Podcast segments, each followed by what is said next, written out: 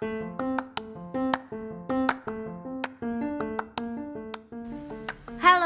welcome back to Senciping. Senin bersama Cia dan Aping.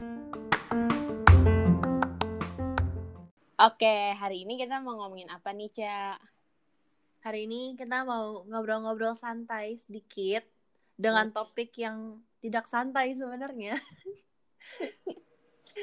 kita ya balik lagi kita cuman dua mahasiswa yang masih belum lulus yang belum tahu hidup ini akan ke mana jalannya. Jadi hari ini kita mau apa ya? Merenung kali ya, merenungi hidup dan pilihan hidup kita ke depannya seperti apa dan apa saja yang sudah kita jalani selama ini. Hmm, sebenarnya ini sesi kontemplasi kita yang dipodcastkan ya. Betul sekali, karena selama ini banyak sekali kontemplasi hidup tapi nggak pernah dipodcastkan. Jadi ya gue yakin banget sih tapi banyak banget teman-teman kita yang pasti relate dengan obrolan kita hari ini karena ya balik lagi siapa sih sebenarnya yang udah figure out hidupnya sepenuhnya. Dulu sih kalau gue masih kecil ya gue tuh mikir kayak orang gede tuh hidupnya udah tertata gitu loh kayak udah tahu hidupnya tuh bakal ngapa-ngapain aja ke mana aja kayak udah tahu segala hal gitu mm -hmm. kayak gue dulu dari kecil tuh selalu merasa kayak orang gede tuh keren banget karena mereka kayak udah tahu dan bisa ngelakuin apa-apa sendiri karena dulu tuh gue gak suka banget kayak apa-apa tuh diatur sama bokap nyokap segala macem gitu loh jadi gue melihat orang gede tuh hidupnya keren banget hmm. tapi setelah gue sendiri udah makin gede ya gue makin sadar kalau ternyata dalam hidup ya semua orang uh, masih berproses we're all still trying to figure everything out dan gak akan pernah fully figured out everything juga gitu at the end of the day. Hmm. So I think this is a very apa ya, very relatable and also vulnerable podcast buat teman-teman pendengar kita sekalian. Betul. Jadi kita hari ini temanya ada apa sih yang dikejar dalam hidup? Gitu. Apa tuh Ki? apa yang lu kejar dalam hidup Gi oh my god this is so hard gue tahu huh? gue tahu apa yang lu kejar dalam hidup apa cinta najong najong ya, bener sih tapi gak usah dijadiin goals lah itu biar datang sendiri aja asik mantap kan lu yang bilang jangan dikejar Tunggu. Iya, memang cinta itu datang sendiri tanpa harus dikejar. Kalau dikejar justru itu cinta yang salah. Oh. Alah, alah, alah. Aduh. Speaking of experience. uh, Sebenarnya kayak kalau masalah goals atau kayak apa yang ingin gue capai dalam hidup ini, gue mungkin belum fully um, understand atau tahu apa yang gue mau. Cuman yang pasti adalah gue tahu bahwa gue pingin ngebahagiain orang tua gue sih. I see. Kayaknya itu goal semua anak yang berbakti sama orang tuanya atau semua anak yang tidak dilukai oleh orang tuanya ya mantap iya benar benar benar iya yeah, benar sih I think at the end of the day kita cuma pengen ngebahagiain orang tersayang atau terdekat kita ya. Mm -mm. Sebenarnya kayak apa sih namanya? Gue tuh uh, pastilah semua orang tuh ngejar happiness, ngejar uh, hidup sejahtera dan ya pokoknya uh, living the dream gitulah yang kayak punya rumah, punya anak, punya keluarga yang bahagia dan sebagainya. Cuman kalau gue sekarang sih gue benar-benar yang kayak gimana ya caranya biar gue bisa bikin mereka tuh gak perlu khawatir lagi tentang gue biar gue yang gantian ngurusin mereka gitu loh. I see. Gitu. Nggak tahu sih gue belum ketemu caranya cuman itu aja goals gue. Dan kayak kalau gue sendiri sih kalau goals yang lebih ke diri gue sendiri gue pingin bermanfaat aja sih buat orang kayak gimana caranya dalam hidup ini dalam hidup yang sangat singkat ini uh, ada orang yang hidupnya lebih baik lah gara-gara gue gitu. Hmm, Kalau lu gimana? Gue jawaban lu dalam banget. Ih, gue jadi mikir. Goals gue Hmm, berarti ini kita ngomongin gambaran yang besar banget gitu ya. Goals gue ya sama sih kayak lu gue pengen gue pengen bahagia, gue pengen ngebahagiain orang terdekat gue, tersayang gue. Ya gue juga belum tahu sih caranya gimana. Hidup gue sendiri aja belum belum apa ya, belum benar-benar terarah, belum tahu mau ke mana ke depannya. Tapi Hmm. satu yang pasti gue pengen dalam apa pun yang gue lakuin dalam hidup, gue pengen um, gue nya happy ngerjainnya. Dan gue nggak meninggalkan orang-orang terdekat tersayang gue yang selama ini support gue gitu. Kayak gue nggak pengen gue terlalu buta dalam apa yang gue kerjain sehingga gue melupakan orang-orang yang sebenarnya berarti buat gue gitu sih. Oh oh. Kenapa sih lo ngomong sendiri kayak terharu sendiri? Dude, ini tuh baru sore. Ini tuh bukan jamnya kita deep talk, coy. Deep talk Iya, tuh biasanya tengah malam subuh gitu. Jadi Gue juga bingung. Jadi tolong ya yang mau dengerin, tolong dengerinnya tuh tengah malam subuh gitu biar lebih masuk ke otak. Ya gimana ya? Kalau gue tuh kayak sekarang ya mungkin biasa tuh kayak eh, lu refleksi kontemplasi kontemplasi tuh malam-malam ya. Kalau gue sekarang 24 jam gila kayak Oh iya, gue juga sih, apalagi karena kuarantin. Udah nggak ah, udah nggak kuarantin tapi mau kuarantin lagi. Tapi maksud gue dengan kondisi seperti ini, em, semua orang jadi semakin banyak waktu untuk mereka kontemplasi nggak sih? Nggak cuma lu sih, gue juga gitu. Mm-mm, iya kayak bangun-bangun eh, udah mikirnya eh, what can I do today untuk bikin eh, tomorrow better. Terus kayak gue lagi ngapain sih sebenarnya kayak kenapa sih gue nggak ngerjain ini gitu. Ya, Biasanya pertama bangun tidur, biasanya tuh cuman bangun tidur mikir hari ini gue makan apa ya. Iya woi, jujur gue sekarang maksudnya ya masih mikir lah ya mau makan apa, tapi udah nggak seobsesif dulu. Gue udah yang kayak padahal tuh it's my joy of life itu mikirin makanan. Sedih banget Anggi. Heeh. Terus gue jadi kayak makin lama kok kayak gue udah nggak terobsesi lagi sama makanan. Gue jadi kayak ya udah makan untuk bertahan hidup aja lah udah gitu. Ih, padahal moto kita hidup untuk makan. Iya woi, sedih banget. Tapi itu nanti lah ya kita omongin kayak sacrifices yang kita buat. Oh, iya sih. Gue juga em, akhir-akhir ini lagi apa ya banyak pikiran.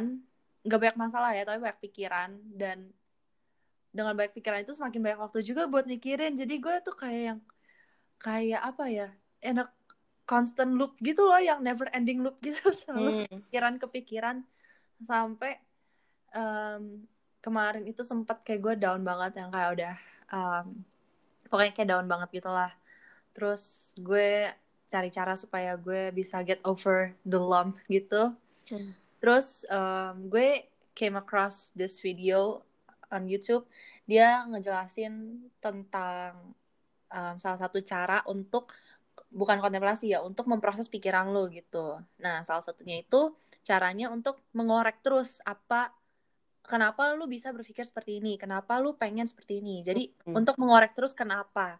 Dan korek terus itu sampai lima kali minimal.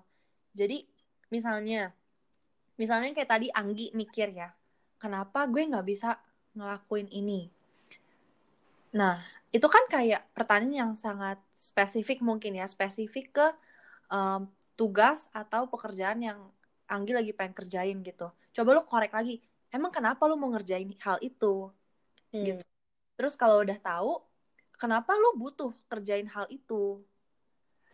Terus kalau udah tahu lagi kalau udah kerjain itu apa memang efeknya dalam hidup lu? Kenapa lu harus melakukan hal itu? Ya pokoknya dikorek-korek terus lah terus lah kenapanya sampai pada akhirnya tuh lu satisfied dengan jawabannya kayak oh ya inilah kenapa gue mikirin hal ini sampai segininya. Ini kenapa gue pengen ngerjain ini segitunya gitu. Dan itu itu menurut gue butuh waktu yang cukup lama sih. Butuh lu bener-bener ngerenungin sendiri di tempat yang um, lu merasa lu paling nyaman ya paling comfortable buat lu. Jadi pikiran lu tuh juga leluasa gitu buat ngorek-ngoreknya. Karena kan itu bener-bener kontemplasi yang dalam banget ya menurut gue terus ya itu sih. Tapi setelah lu udah puas sama jawabannya everything becomes clear, everything becomes clearer. Lebih jelas aja gitu loh. Kayak masa lalu tuh ini ini ini. Pikiran lu tuh mampet karena ini ini ini. Dan hal yang lu harus lakuin setelahnya adalah ini ini ini. Lebih terarah aja gitu jadinya setelah itu. Hmm setuju setuju. Gue juga um, sering tuh kalau lagi apa nanya five why. Tapi gue setelah itu um, menurut gue harus ada tambahan lagi why kayak harus ada one how. Jadi setelah lu tanya kenapa kenapa kenapa terus gimana gitu. Oh ya betul betul. Itu yang tadi gue bilang sih solusinya. Habis Mm-mm. itu ini. Iya benar. Ya iya sih kalau lu kontemplasi tahu kenapa ya tapi nggak ada em, solusi tindakan nyatanya untuk overcome kontemplasi lu ya percuma juga benar. Hmm. Nah itu kan eh, kita tadi baru ngomongin goals kayak secara gambaran besar ya. Tapi kalau kayak secara spesifik tuh em, apa sih maksudnya kayak lu kan kita punya goals nih kayak oh gue pingin bahagian orang tua gue, gue pingin hidup bahagia, eh, hidup bahagia, eh, hidup sejahtera dan sebagainya. Tapi lu mau em, pakai cara apa gitu? Misalnya lu pengen karir yang kayak gimana? Lu pingin lewat jalur apa sih untuk mencapai goals itu gitu? hmm Kebayang nggak? Make sense kan pertanyaan gue? make sense tapi di otak gue mungkin bisa dipecah lagi ada goal yang short run sama yang long run mungkin ya Hmm. short run itu ya mungkin dalam artian kayak 1 sampai 3 tahun atau lima tahun ke depan. Kalau long run ya 10 tahun, 20 tahun ke depan gitu. Hmm. Kalau lu apa Gi? Nih kok lu balik nanya gue? gue lagi mikir, gue lagi mikir. Ah, ini sih yang gue juga masih belum figure it out. Sumpah gue kayak there's so many questions in my life and no answer gitu loh. So, Benar benar benar. cuman eh jadi kayak gue tuh sebenarnya sangat ingin menjadi pekerja kantoran yang kayak apa ya eh budak korporat lah yang kayak Oh, gue langsung deja vu Gi. Kita pernah ngomong ini pas SMA. Lanjut lanjut. Aduh, Mi. oke. Eh, yang 9 to 5 terus kerja di B- eh, di BSD lagi geblek. di SCBD. eh, Jauh banget coy BSD sama Oh. SCBD. jadi cici-cici gue nanti. Eh, ya di SCBD terus yang kayak eh, makan siangnya yang di kafe. Aduh, ya gitu-gitulah yang kayak eh ya gitu pekerja kantoran dan gue kebayangnya sebenarnya gue pingin banget jadi em, kerja di bagian produk jadi kayak user experience, em, product development, yang kayak gitu-gitulah di startup. Terus tapi eh, setelah gue pikir-pikir lagi, ya itu sebenarnya untuk fulfill uang gitu loh. Maksudnya kayak ya itu biar dapat gaji yang oke, biar dapat pekerjaan yang prestigious kesannya gitu. Tapi kalau gue pikir-pikir lagi ya, sebenarnya gue tuh pingin banget kerja di NGO. Gue tuh pingin banget kerja yang membantu kaum kaum termarginalkan. Pingin banget ngebantu orang-orang yang gak dapat bantuan gitu, yang susah. Yang kayak gue pengen banget kerja di yang kayak I don't know what NGO tapi mungkin yang kayak UNICEF terus eh ya intinya kayak yang yayasan-yayasan yang bisa membantu lah orang-orang eh, untuk punya hidup yang lebih baik kayak gitu. Cuman itu tidak ada duitnya. Terus gue jadi kayak I don't know, terus gue kayak bingung banget kan. Jadi gue kayak masih figure it out gitu sih. Kayak apa sih sebenarnya yang gue mau? gitu. Hmm. Gue relate banget sih sama uh, pergumulan lo karena I think that's what most people are confused about gitu loh di Hmm. umur-umur kita sekarang kayak um, setahun lagi kita lulus Mm-mm. tapi masih belum tahu kita mau jadi apa Mm-mm. bukan mau bukan cuman mau jadi apa tapi mau ngelakuin apa gitu kan Hmm.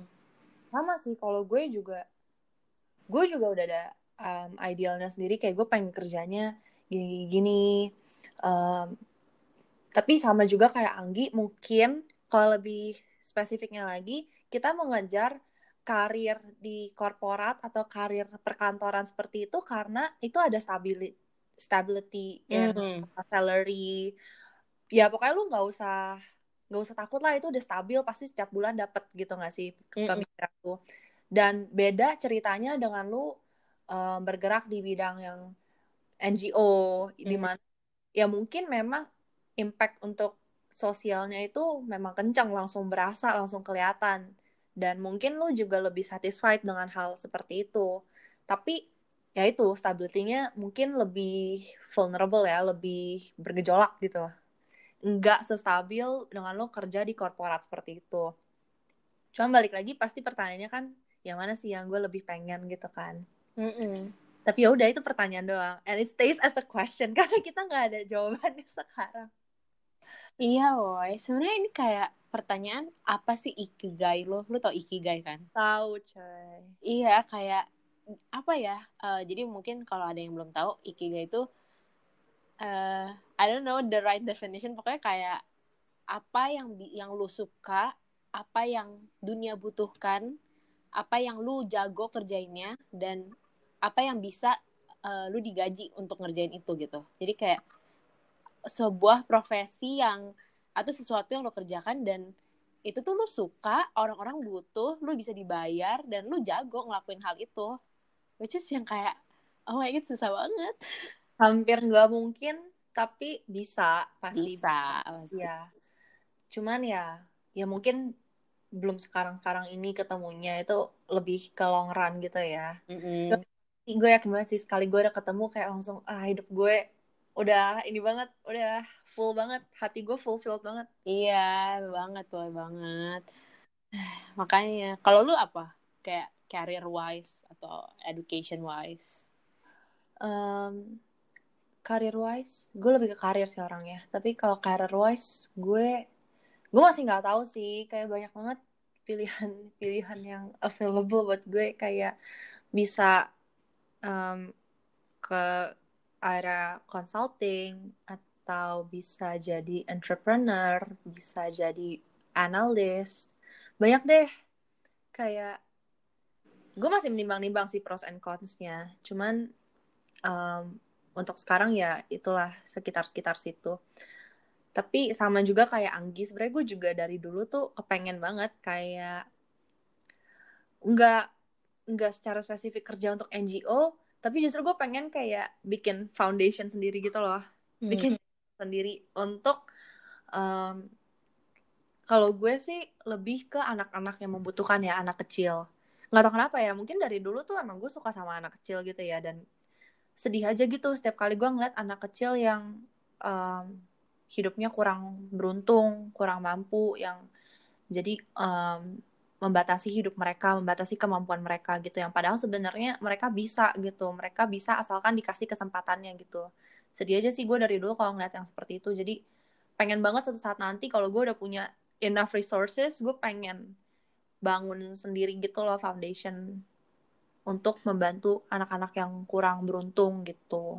Hmm. Ya itu long run banget lah istilahnya. Kalau untuk sekarang ya sama masih belum tahu sih. Cuman akhir-akhir ini gue juga lagi banyak kontemplasi tentang kayak apa sih yang gue pengen dan apa sih yang seharusnya gue kejar gitu kan. Dan hmm. banyak banget konten-konten tuh yang ngomonginnya passion. Dan menurut gue kata passion itu over use overrated over oversaturated banget deh menurut gue. Kayak orang-orang tuh seakan-akan kayak apa ya banyak banget nih zaman-zaman sekarang yang seumuran kita yang kayak bilangnya tuh ah nggak mau ah bukan passion gue. Hmm. ah gue nggak mau ini ah gue nggak passion di situ. Kayak gitu gitu loh. Hmm. yang menurut gue apa ya? Lo menjadikan passion tuh sebagai jalan keluar lo padahal kayak lo juga nggak tahu passion lo tuh bisa bawa lo ke mana gitu. Dan akhir-akhir ini lagi ada thread di Twitter yang lumayan viral sih. Nggak tahu sih lo tahu apa enggak tapi dia tuh ngomongin tentang idealis versus realis tahu jadi, tahu. iya jadi dia tuh ngomongin kayak gimana sebenarnya eh, justru orang-orang seumuran kita kita ini ya jangan terlalu buta bergantung sama apa yang uh, lu passionate about gitu loh. Karena ya passion itu bukan berarti uang gitu. Passion ya maksudnya gimana ya lu be realistik lah. Hidup lu butuh duit gitu. Passion lu nggak bisa ngidupin lu gitu loh. Kayak lu makan emang lu bisa pakai passion? Nggak bisa kan? Lu makan harus pakai duit gitu kan istilahnya. Jadi ya um, singkatnya lu cari dulu gitu loh realistisnya. Lu cari dulu duitnya lakukan apa yang memang bisa menghasilkan lu uang. Ketika lu udah punya cukup uang cukup resources untuk ngebangun passion lu ya udah terserah. Lu bangunlah sana passion lu apa pun itu. Tapi ya awal-awalnya lu harus realistis dulu. Maksudnya bukan berarti lu nggak boleh kejar passion lu ya tapi harus ada balance-nya gitu. Jangan terlalu terbutakan sama passion lu gitu. Karena maksudnya banyak orang di luar sana tuh yang terlalu buta sama passionnya sehingga bener-bener kayak nggak mau ngelakuin apa pun kegiatan di luar passionnya dia gitu loh. Passion dalam tanda kutip gitu. Yang sebenarnya dia juga nggak tahu apakah sebenarnya itu jalan hidup dia atau bukan gitu. Itu sih yang akhir-akhir ini gue lagi kepikiran banget. Karena ya gue juga nggak tahu passion gue sebenarnya apa ya? Atau apa ya sebenarnya yang harus gue lakuin gitu sih. Hmm I see. Sebenarnya menurut gue kayak jalan hidup orang beda-beda sih. Makanya gue kayak cukup mengkontemplasikan thread Twitter itu juga tuh yang tailah passion gitu kan. Uh, menurut gue maksudnya ya yeah, there's some kind of truth in it tapi gue nggak tahu apakah ini bisa digeneralisasikan ke or semua orang apa gimana karena gue juga kayak misalnya kayak J.K. Rowling ya kalau dia nggak tetap ngejar passion dia untuk nulis buku dia nggak um, terus-terusan uh, apa sih offer buku dia ke publisher dan sebagainya ya we, we will not have Harry Potter gitu. In uh, misalkan saat itu dia mikir kayak ah udahlah Thailand nih buku gitu.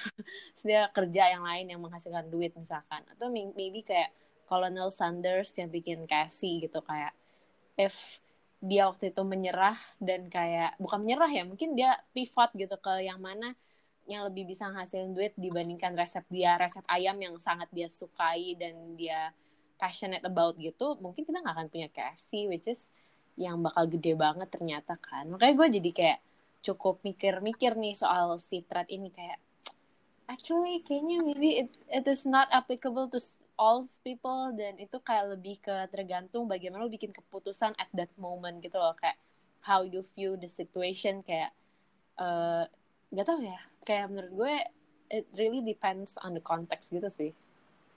Benar-benar tapi um, ya gue juga mengkontemplasikan hal yang sama. Tapi gue melihatnya ini tuh uh, argumen yang kayak lo itu bisa muncul ketika lo terlalu terfokus sama apa yang lo mau um, apa ya how you what do you wanna become gitu loh. Bukan what do you wanna do. Beda gitu apa yang lo mau. Gimana ya bahasa Indonesia otak gue brain freeze mungkin lebih ke gimana kayak sebenarnya lu seharusnya lebih ke proses oriented gitu kali ya daripada kayak fokus ngejar result tapi belum tentu kayak resultnya itu sesuai sama passion lo gitu. Hmm, mungkin nggak beda sih sama proses sama result based. Tapi uh, maksud gue tuh kayak kadang kan ada orang yang terlalu terfokus dengan on becoming gitu kayak gue pengen jadi ini hmm. gue pengen jadi itu gue pengen jadi A B C nah terus tinggal mereka figure out jalan menuju A B C-nya gitu kan hmm. di situ mungkin banyak orang yang bisa um, kan pasti jalan menuju AB, menuju ABC itu kan pasti banyak trial and error gitu kan nah di situ banyak orang yang justru tumbang gitu kan di jalan menuju ABC-nya itu nah I think instead of focusing on becoming mungkin kita bisa fokus on doing gitu loh. Apa yang lu mau lakukan, apa yang menurut lu bisa lu lakukan dan lu enjoy lakukan gitu loh. Adakah your why and your purpose dalam apa yang lu lakukan gitu. Whatever comes at the end of the day, ya udah, mungkin um, itu memang jalan lu gitu. Kalau memang apa yang lu lakukan ternyata um, hasilnya nggak bagus nggak sesuai ekspektasi lu ya udah. Yang penting lu enjoy doing. Tapi ketika hasilnya justru melebihi ekspektasi lu anggap lu itu jadi kayak berkat tambahan gitu loh. Karena kan at the end of the day you like what you do you enjoy what you're doing and what you do is um, apa ya bermanfaat bagi orang lain. Jadi kayak apa pun um, hasilnya nanti jadi kayak bonus tambahan buat lu.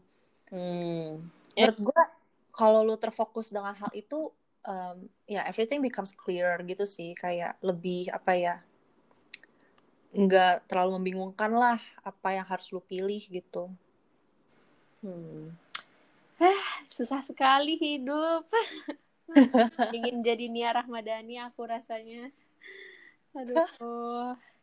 Cuman iya sih kayak gue juga cukup setuju bagaimana um, gue kan baru-baru ini baca buku Man's Search for Meaning juga kan di book club gue um, it was a book written by a Holocaust survivor dia psychologist um, actually dia a psychiatrist dan nama dia tuh Viktor F. Frankl um, this book was quite popular dan dia kayak menceritakan bagaimana kehidupan dia di dalam camp camp Holocaust itu akhirnya uh, membantu dia menyadari sebenarnya makna hidup tuh apa. Sebenarnya ya banyak sih yang bisa lo dapet dari buku itu. Cuman yang menurut gue benar-benar um, apa ya kayak menampar adalah bahwa ya dalam hidup ini you will not survive kalau misalkan or you will not be happy kalau uh, meaning yang lo kejar itu adalah sebenarnya untuk diri lo sendiri gitu loh. Kayak your, untuk for your pleasure terus kayak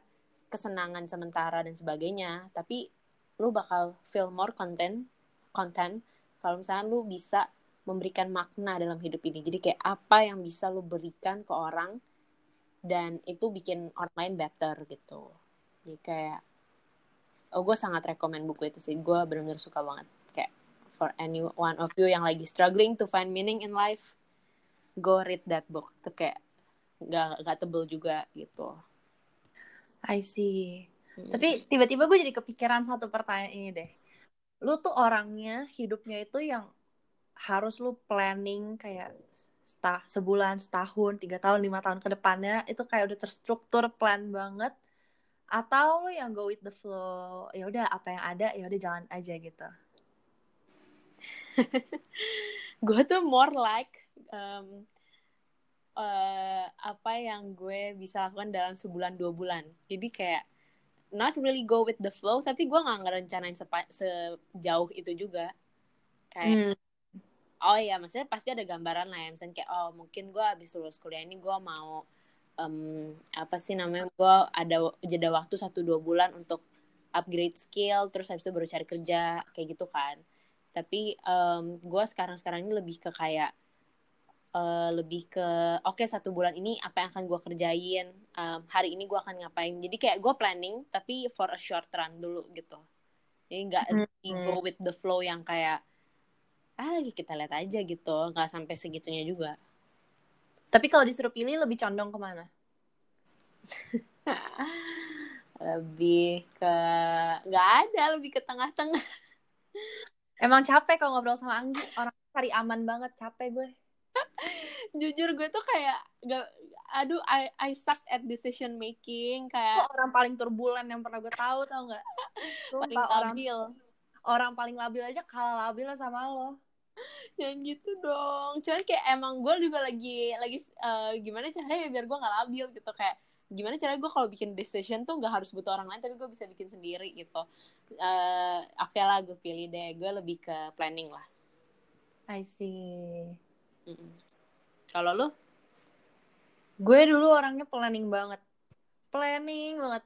Sampai oh, planning banget deh short run, long run, pokoknya gue udah menata hidup gue gitu. Kayak gue bakal ke sini, gue mau begini, gue mau begitu. Itu semua runtuh seketika ketika plan yang sudah gue buat dan sudah gue kejar selama berapa ya kurang lebih tiga tahunan gitu sia-sia. Karena ya dalam satu dalam satu hari malah dalam satu hari plan gue hilang begitu saja. Dari situ titik balik gue oke okay, gue akan live in the moment hmm. kayak oke okay lah maksudnya gue tetap lah ada plan kayak target-target gue ke depannya gue mau begini gue mau begitu. Tapi gue nggak mau terlalu terbeban gak mau terlalu terfokus dengan target itu. Karena waktu itu tuh pas gue tiba-tiba dalam satu hari itu kayak planning gue sia-sia begitu aja tuh langsung gue merasa kayak gimana ya terpukul banget. Tapi bukan terpukul yang kayak langsung down banget ya terpukulnya tuh kayak pelan-pelan gitu loh. Langsung gue kayak mempertanyakan hidup gue kayak anjir tiga tahun ini gue sia-sia. Gue udah mengusahakan ini segala macam untuk ke arah sana tapi kok dalam satu hari runtuh begitu aja terus sekarang gue ngapain? Kenapa jalan hidup gue jadi begini? Ya banyak lah kontemplasi kontemplasi seperti itu. Mm -hmm. tapi ya sekarang gue lebih sama sih lebih santai aja kayak lebih pengen live in the moment sih kalau boleh di kalau disuruh pilih. Gue lebih ke ya udah ikutin aja apa yang ada mana tahu ada kesempatan apa yang datang gitu kan namanya target ya pasti ada target tapi nggak mau terlalu terfokus sama target-target itu yang penting um, di sekarangnya ini gue udah melakukan apa yang terbaik yang gue bisa lakukan apa yang bisa gue kasih ya udah what comes ya udah gitu hmm, ngerti ngerti ngerti Iya, gue juga sebenarnya kan manusia punya tendensi untuk meng, um, apa ya? Kita tuh lebih suka certainty daripada uncertainty. That's obvious ya. Uh, so to make everything certain adalah kita planning. Kayak oke okay, gue hari ini makan ini terus gue kayak oh gue masih punya uang yang cukup dan sebagainya gitu. Dan gue adalah salah satu orang yang paling benci uncertainty. Tapi as life goes on uh, ya it hits me lah kalau ternyata nggak semua hal tuh bisa gue bikin pasti gitu. Ada aja ada aja pasti yang kayak ada gitu. Kayak ya ampun ada-ada aja nih hidup. Atau kayak ya elah udah gue rencanain baik-baik. Udah gitu kayak ya nggak bisa jadinya nggak bisa. Karena hidupnya kan nggak cuman kita yang berwenang gitu. Kayak ada kehendak Tuhan ada perilaku orang lain ada ada kejadian apa ini ada pandemi tiba-tiba. Kalau gue udah ngerencanain ABC ya kan sialan juga kan kalau dipikir-pikir. Cuman kayak ya udah karena akhirnya belajar kalau ya emang hidup ada aja uh, apa ya variabel nggak pastinya ya berarti lu harus ada planning harus ada juga go with the flow-nya yang kayak gimana cara lu bisa tetap waras meskipun things didn't go out as you you plan it gitu loh. Uh, kira-kira ini gue baru baca kayak bukan quotes ya kayak sebuah artikel gitu ada satu kalimat di artikel itu yang hits me banget sih jadi di artikel itu bilang kalau perasaan gelisah lo perasaan ketakutan atau kecemasan lo tentang hidup itu sebenarnya akar-akarnya itu dari um, keinginan lo untuk gain control of your life gitu loh. Kayak hmm. lu pengen punya um, full control, kendali penuh dalam hidup lo. Kayak lu tuh pengen bisa mengendalikan apa yang akan terjadi di masa yang akan datang gitu. That's why you plan everything, right? Hmm. But instead daripada lu mau full control of your life, mungkin lu harus punya full control of your thoughts terlebih dahulu gimana caranya lu bisa mengendalikan pikiran lo, gimana caranya lu bisa lebih apa ya, lebih in peace, lebih mindful dengan apa yang lo pikirkan, um, apa yang masuk dan keluar dari pikiran lo, sehingga dengan begitu your point of view jadi clear gitu loh. Hmm. Perspektif lu dalam hidup tuh jadi lebih terarah dan lebih jelas gitu. Jadi um, ya lebih ke fokus ke diri sendirinya aja sih, lebih mindful dengan apa yang masuk dan keluar dalam pikiran dan hati lo gitu daripada hidup lo yang sebenarnya ya nggak pasti mau lu plan segimanapun tetap aja akan ada ketidakpastiannya gitu hmm setuju setuju ya gitu cuman uh, misalnya gue pingin bawain ini juga sih misalnya kayak uh, terkadang kayak saking gue ambisiusnya ya ya gue ambisius lah ya maksudnya orangnya. Pingin A pingin ini pingin itu. Jadinya ada uh, sacrifices lah yang kita buat kayak apa ya kayak effort-effort yang udah kita lakuin tapi rasanya tuh eh, nggak uh, nyampe ke hasil yang kita mau dan itu akhirnya impactnya ke kita gitu loh hmm. nge apa ya ngerusak kan ngerusak sih cuman kayak bikin lo jadi sedih aja bikin lo jadi ngedown lu pernah gak sih ngerasa kayak gitu Pernah lah pasti. Ya kayak yang tadi oh. lu bilang kan, yang kayak lu udah ngeplan A, B, C, D, terus kayak dalam sehari semuanya hilang gitu. Iya, itu pernah banget lah. Tapi kalau gue sih ya, mikirnya tuh karena dulu gue, uh, gue merasa itu udah jalan yang terbaik buat gue, terus makanya gue kayak plan everything around it. Tapi gue belum uh, perhitungkan pros and cons-nya gitu loh. Kalau di ekonomi itu ada istilahnya opportunity cost gitu. Opportunity cost itu adalah um, cost atau effort yang lo keluarkan yang nggak bisa lo dapat lagi ketika lo melakukan sesuatu gitu jadi kayak itu yang harus lo sacrifice itu yang harus lo korbankan ketika lo mau melakukan sesuatu gitu hmm. Ya dari situ sih gue jadi belajar ya dengan apa pun yang gue lakukan dalam hidup terlebih lagi dengan um, major decisions in life gitu kayak gue lebih perhitungan dengan pros and cons sih. Jangan sampai consnya itu melebihi prosnya gitu. Jadi pastilah ada consnya, pasti akan ada yang gue korbankan, pasti akan ada yang terbuang dari gue mengejar sesuatu dalam hidup. Tapi jangan sampai apa yang gue buang itu justru terlalu valuable dibandingkan pros yang mungkin akan gue dapet expected prosnya gitu.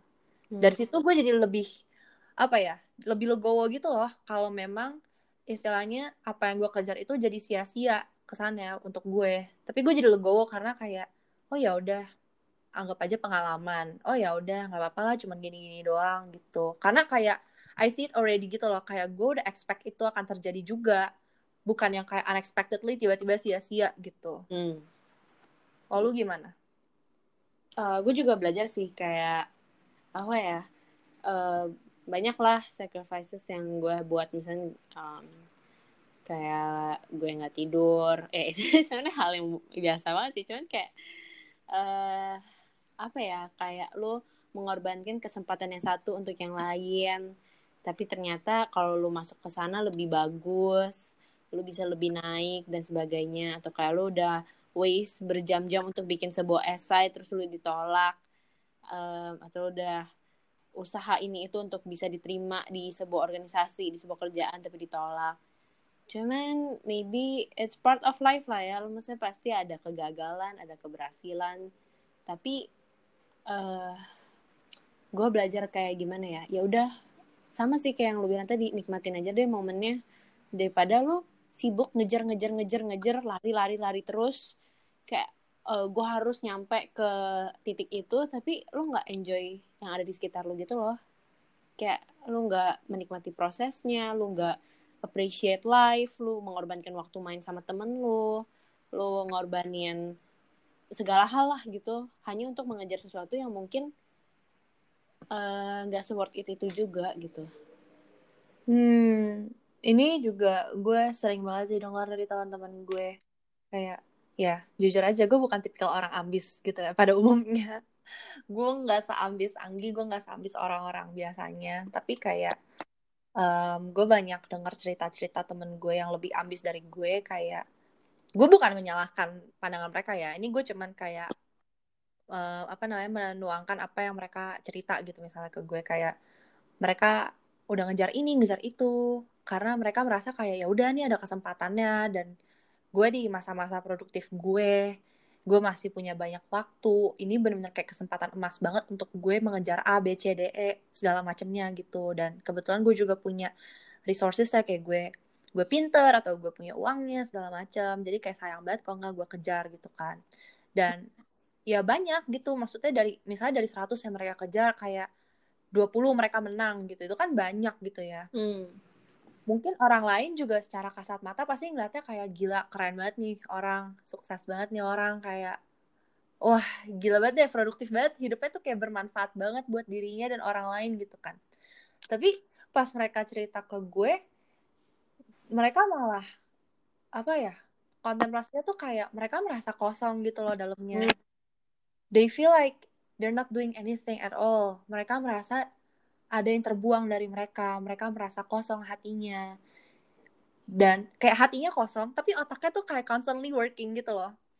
Dan mereka nanya ke gue kayak kenapa ya? Kok gue merasa kayak begini? Kok orang lain tuh selalu nge-push gue untuk terus jadi um, ya terus mengejar keambisannya dia itu loh. Tapi kayak ada satu suara dari hati dia tuh yang bilang kayak mungkin bukan itu jalan lu gitu. Jadi dia tuh kayak masih bingung gitu loh kenapa gue merasa kosong seperti ini? Padahal gue udah achieve banyak banget gitu. Hmm. dan gue sampai ke satu kesimpulan di mana ya sebenarnya simply mereka justru nggak tahu apa yang mereka kejar gitu judul kita. Iya setuju setuju. Mereka nggak tahu apa yang mau mereka kejar. Setelah mereka memenangkan hal itu setelah mereka mengejar hal-hal itu mereka nggak tahu apa yang mereka menangin itu mau dipakai jadi apa. Hmm. kebanyakan dari mereka ya memenuhin CV atau um, bikin nama bagus, memperluas koneksi, which is totally fine, totally fine, justru bagus gitu loh, justru bagus karena lo kan memperkaya diri lo. Tapi yang gak bagus adalah perasaan kosongnya itu loh, kayak gimana ya? ketika lu udah achieve segitu banyak hal tapi at the end of the day lu malah kosong hatinya. Ketika lu sebelum tidur um, lu malah kepikirannya kayak kok achievement gue sia-sia? Itu kan sedih ya. Gue Hmm. denger aja tuh sedih banget kayak gue nggak menyangka kayak ternyata lumayan banyak orang yang merasa seperti ini gitu. Kayak gue pikir mereka dengan achieve sebanyak itu hidup mereka lebih fulfilled tapi ternyata justru lebih kosong hidupnya gitu. Jadi um, banyaklah kontemplasi gue dari cerita teman-teman gue yang seperti itu. Gue jadi kepikiran kayak ya sebenarnya apa ya yang mereka kejar dalam hidup? Dan apa ya yang gue kejar dalam hidup? Ya mungkin itu memang usaha mereka untuk mencari juga ya apa yang mereka kejar dalam hidup. Mungkin dari 100 atau sekian banyak kegiatan yang mereka ikuti mungkin salah satunya bisa jadi jawaban untuk mereka gitu. Tapi mungkin belum saatnya untuk mereka dapat jawabannya. Dan ini masih diproses di mana mereka masih belum dapat jawaban jadi mereka merasa kosong gitu mungkin ya. Tapi ya menurut gue nggak sehat ketika keambisan lo itu malah consume lu inside mentally gitu sih Hmm. Setuju. Gue gue bisa relate banget sih sama temen lo. Kayak after I win something, gue udah langsung mikirin lagi apalagi yang harus gue ikutin. Kayak I'm only always on apa ya constantly tuh mikir gimana gue bisa berprestasi berprestasi tapi kayak gue nggak tahu untuk apa gue berprestasi kayak apa sih yang gue kejar dengan gue ikut-ikut lomba ini dengan gue ngejar title ini dan sebagainya gitu loh kayak lu pengen kayak lu pengen memenuhi kehausan lu tapi bukannya jadi nggak haus lu malah makin haus gitu ya Iya, iya, totally. Dan ini baru gue sadar setelah uh, gue menang Mapres itu sih kayak uh, oke, um, gue menang Mapres. Terus kan gue kayak jadi kayak banyak offer gitu kan, offer yang kayak ikut organisasi ini, ini, ini itu gitu. Tapi kayak hmm, apa ya? Kayak rasanya kok gue nggak nggak happy ya? Kok kayak nggak ada sense of nggak nggak nggak penuh aja gitu. Rasanya kayak nggak happy. Jadi kayak ya udah gue kayak stop. Terus gue berusaha untuk nge-evaluasi oke apa yang mau gue kerjain dan apa yang um, off limit gitu. Kayak oke okay, jadi gue sekarang dan maksudnya gue milih-milih lah apa yang good for my mental health dan enggak gitu. Kayak gue sekarang udah nggak begitu banyak ikut lomba tapi gue kayak mau gedein program gue sendiri yang rise up itu Terus kan gue juga ada kuliah, gue ada magang, ada seciping. Terus jadi kayak ya udah kayak gue sangat-sangat memilih sekarang dibandingkan gue kejar semuanya tapi nggak jelas ke mana gitu. Hmm. Gitu sih. Ini sih sebenarnya yang pengen gue sampein melalui podcast ini gitu loh. Jadi kayak ya lu boleh lah, boleh banget kayak ikut lomba, ikut ini itu. Tapi lu harus tahu ini tuh tujuannya apa.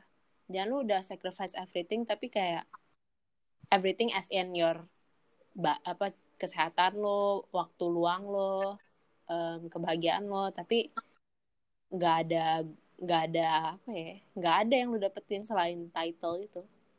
Dan a split second of your happiness ketika dikasih piala atau medali. Hmm.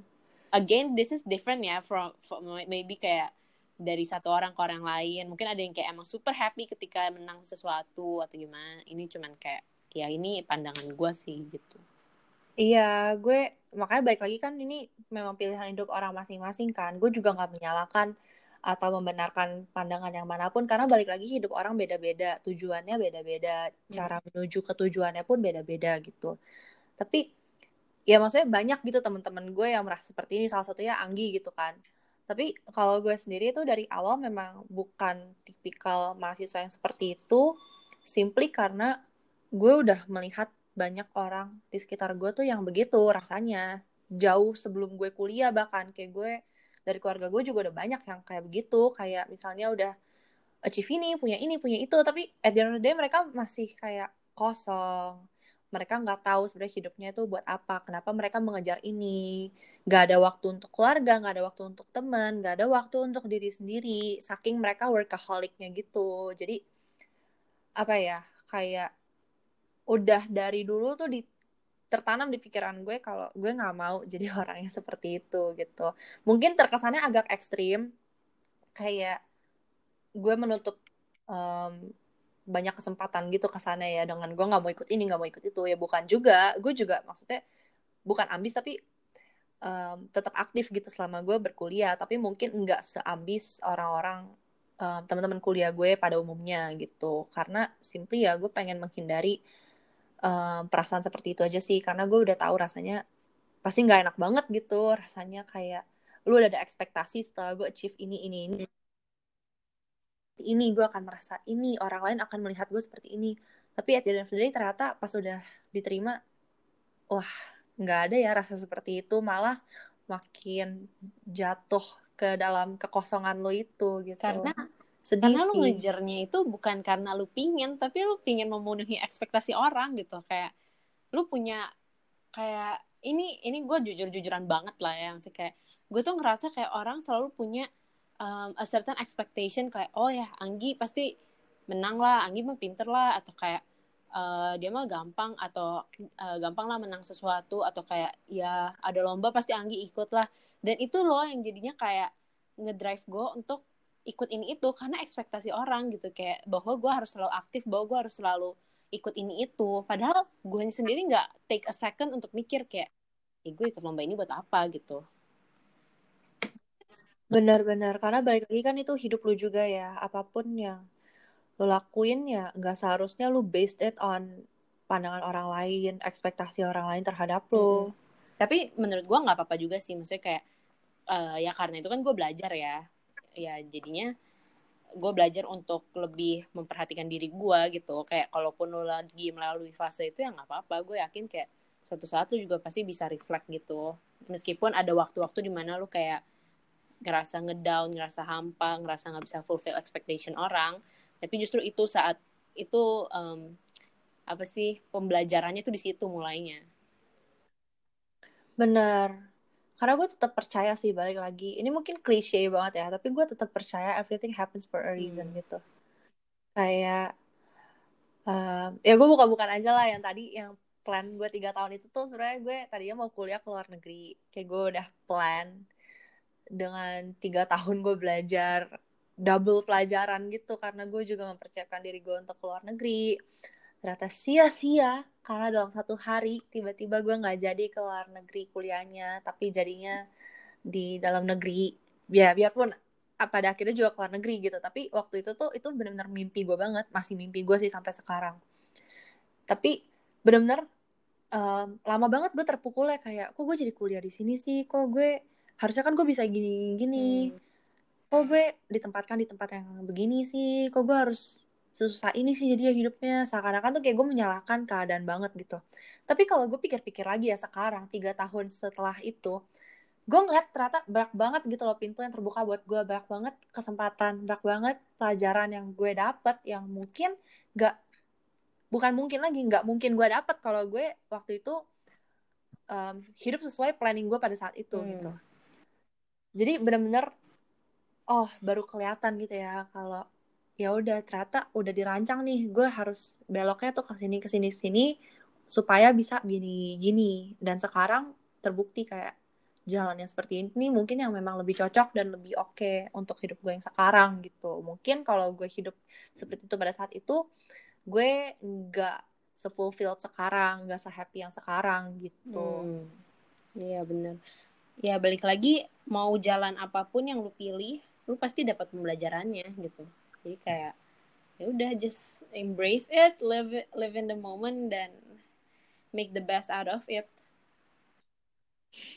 Kita tuh kayak banyak banget ngelempar quotes quotes kata-kata mutiara golden ways gitu seakan-akan kayak hidup kita udah figured out banget ya. Padahal ini tuh kita juga lagi ngomongin ke diri sendiri biar kita pas dengerin lagi oh iya oh iya oke okay, oke okay, iya. iya oh, bener banget. Tapi jujur sih maksudnya gue kayak bikin podcast ini kita bikin podcast ini kan karena kayak kita pingin ya udah mendokumentasikan omongan-omongan kita aja kan biar kayak kalau kita lagi butuh motivasi atau kayak kita pingin reflect back tuh kita ada gitu uh, dokumentasinya benar-benar tapi balik lagi tadi lu sempat ngomongin sedikit tentang produktivitas kayak eh produktivitas motivasi. Hmm. kayak apa sih yang lo lakuin ketika lo lagi on a slump terus lo pengen get over it gitu? Kayak apa yang lu lakukan ketika lu pengen gain your motivation? Hmm. Apa ya? Sebenarnya gue yakin kayak there's gue kalau gue sih kalau gue kayak merasa everything tuh nggak nggak mungkin bisa diselesaikan dengan one magic solution gitu. Jadi kayak gue biasanya either kalau gue lagi mumet banget kayak ngobrol sama sahabat aku siapa cuy ya adalah uh, bukan lu sih yang pasti. Oh iya. Sahabat aku juga ya apa bercanda. Pokoknya iya kayak kalau gue lagi mumet kayak gue ngomong sama Marsha atau gue tulis gue kayak gue ada diary anjay udah umur 21 Dear Diary. Enggak kok gue juga? Ah, iya. Gue juga. Uh, kayak bukan diary yang lu tulis Dear Diary kan tapi kayak yang ya udah lu tulis ya. jurnal ya. jurnal lebih kerennya lah jurnal Dear Diary itu kayak zaman lu SD Dear Diary hari ini aku makan Indomie. Iya gue biasa tulis terus um, kayak belajar uh, apa sih refleksi sih. Kayak gue mikir apa yang um, kayak misalnya gue baru-baru aja banyak banget kayak kejadian tuh yang doesn't go my way. Kayak gue ditolak. Terus ditolak apa tuh? Ditolak cintaku. Terus saya um, IPK gue juga turun. Meskipun gak banyak sih cuman bagi gue yang oriented banget sama akademik gue tuh kayak it, it hits me hard gitu loh. Dan ya banyak lah kayak hal-hal yang doesn't go my way. Itu gue um, yoga terus gue jadinya meditasi refleksi. Uh, intinya take my time gitu sih untuk bener-bener ngerundungin ya udah this is this is the reality dan gak ada yang bisa gue ubah gitu. Kayak ya udah mendingan gue sekarang gimana cara gue bisa survive dan what's the next thing what that I should do gitu kayak ya udah fokus ke here and now aja jadinya. Oh wow. Yoga? Iya yoga tuh asik banget ya ih bukan temen gue. Emang. Kalau gimana? Kalau gue bingung. Karena gue lagi in a motivation slump. Ya. tapi um, kalau gue sih biasanya sama lah kayak Anggi kayak the typical things. Ngobrol sama temen buat lift your mood gitu kan bertukar pikiran juga. Terus um, apa ya justru kalau gue sih kalau lagi mm, in a motivation slump gue justru mengurangi interaksi dengan orang-orang yang abis. Hmm. karena justru bawaannya tuh kayak gue jadi membandingkan diri sama mereka gitu loh. Kesannya kayak kok mereka makin makin oke oke oke tapi kok gue kayak gue kayak kentang banget hidup gue. Hmm. jadi masa makin mengasihani diri gue sendiri gitu loh. Jadi kayak ya itu membatasi interaksi gue dengan orang-orang tertentu. Terus um, gue juga baru bukan baru sih gue dari dulu udah kepikiran ini tapi kayak baru-baru ini tuh hits me lagi. Kayak sebenarnya kenapa sih orang lain tuh bisa seproduktif itu achieve banyak hal banget dalam hidupnya? Sedangkan kok uh, beberapa orang nggak bisa ya padahal mereka semua sama-sama punya 24 jam dalam hidupnya gitu. Dan itu balik lagi ke time management lu bagaimana lu mengatur waktu lu. Yang jujur aja time management gue tuh jelek banget banget banget. Kayak gue tuh udah time managementnya jelek fokus pen gue singkat gampang terdistraksi multitasker banget. Jadi iya gue tuh all in one package gitu deh. Gimana lu nggak bisa fokus gitu. Kayak kayak temen gue tuh ada gitu yang baru-baru ini ngasih gue video YouTube kayak kalau mau motivasi belajar lihat deh orang ini. Dia belajar 12 jam sehari. Gue langsung bales. Kayak gue nggak bisa deh belajar 12 jam sehari full gitu. Gila 12 jam. langsung tapi beneran beneran kayak wah gue bener-bener langsung bukannya gue termotivasi gue langsung merasa down anjir kayak anjir ternyata orang lain tuh belajar 12 jam sehari pantesan mereka pinter gue langsung merasa gitu hmm. tapi um, balik lagi kayak semua orang kan punya 24 jam sehari itu tergantung bagaimana mereka menggunakan 24 jamnya itu seefektif dan seefisien mungkin dari segi kualitas bukan kuantitas hmm. gitu. Jadi kalau uh, a wise man said, a wise man said to me, kalau coba lu bagi 24 jam itu jadi tiga bagian, 8 8 8 hmm. gitu kan.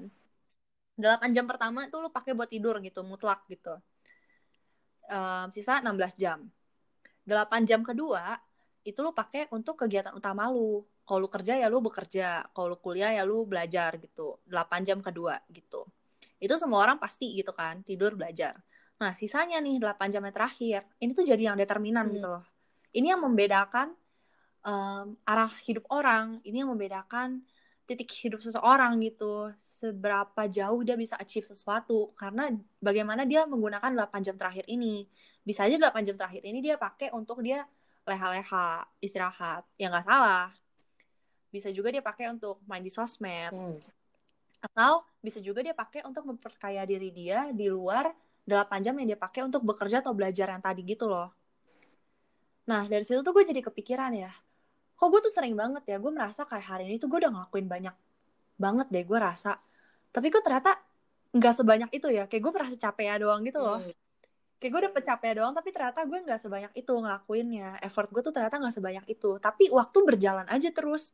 Tiba-tiba udah hmm. malam aja. bener banget. Sering banget hampir tiap hari gue merasa kayak gitu kok begitu ya? Gue merasa kayak gue tuh kesel banget setiap hari tuh kayak tiba-tiba udah malam merasa tuh udah capek udah ngantuk. Tapi ternyata pas gue cek jurnal gue lagi kayak gue berasa ya udah banyak banget yang gue kerjain kok cuma segini gitu ya. Balik lagi karena gue nggak keep track sama waktu gue gitu. Karena gue nggak keep track dengan apa yang gue lakuin kayak terlalu justru gue terlalu banyak multitasking gitu. Terlalu banyak berpindah-pindah task gitu loh. Jadi akhir-akhir ini gue lagi pengen implement kayak gue pengen keep track of my time gitu sih. Bener-bener kayak coba gue perpanjang lagi fokus pen gue untuk melakukan sesuatu dan bener fokus sampai satu task itu dan gitu loh. Baru lanjut ke task selanjutnya hmm. gitu. Siapa tahu dengan begitu motivasi dan produktivitas gue meningkat ya. Mana tahu. Ya gue juga nggak tahu sih. Hmm. setuju banget sih gue. Kayak itu cara-cara yang sangat bagus oke okay, kita udah lama banget gila ini ngobrolnya iya nggak berasa tuh nggak berasa iya, lagi kan emang nggak berasa woy tapi ya kita sih ngeharapnya lewat podcast ini adalah yang mungkin lagi stuck, lagi ngerasa ngelos, uh, lagi bingung sama kayak kita. Ya, yeah, you are not alone, of course. Dan yes, I hope lo bisa segera bangkit kembali dan menjalani hidup yang bahagia. Amin. Ini ngomongin ke kita in the future yeah. gitu ya, pas denger. Bener banget. siapa tahu kayak setahun lagi gitu kan lagi bingung aduh kenapa kerjaan gue begini banget apa sih yang gue kejar nah balik lagi lah ke podcast ini iya benar banget balik lagi semua orang masih still trying to figure it out nggak ada yang benar-benar udah fully tahu apa yang mereka mau dalam hidup apa yang mereka kerjakan dalam hidup nggak ada tuh yang benar-benar 100% certain dan happy with their, their life mm -hmm. gitu jadi ya you're not alone bener dan jangan merasa lu tertinggal dari orang lain karena baik lagi semua orang punya timingnya sendiri dan porsiannya masing-masing gitu. Oh. Oke deh, itu aja dari kita. um, semoga berguna podcast ini and happy listening, happy Monday. Happy Monday.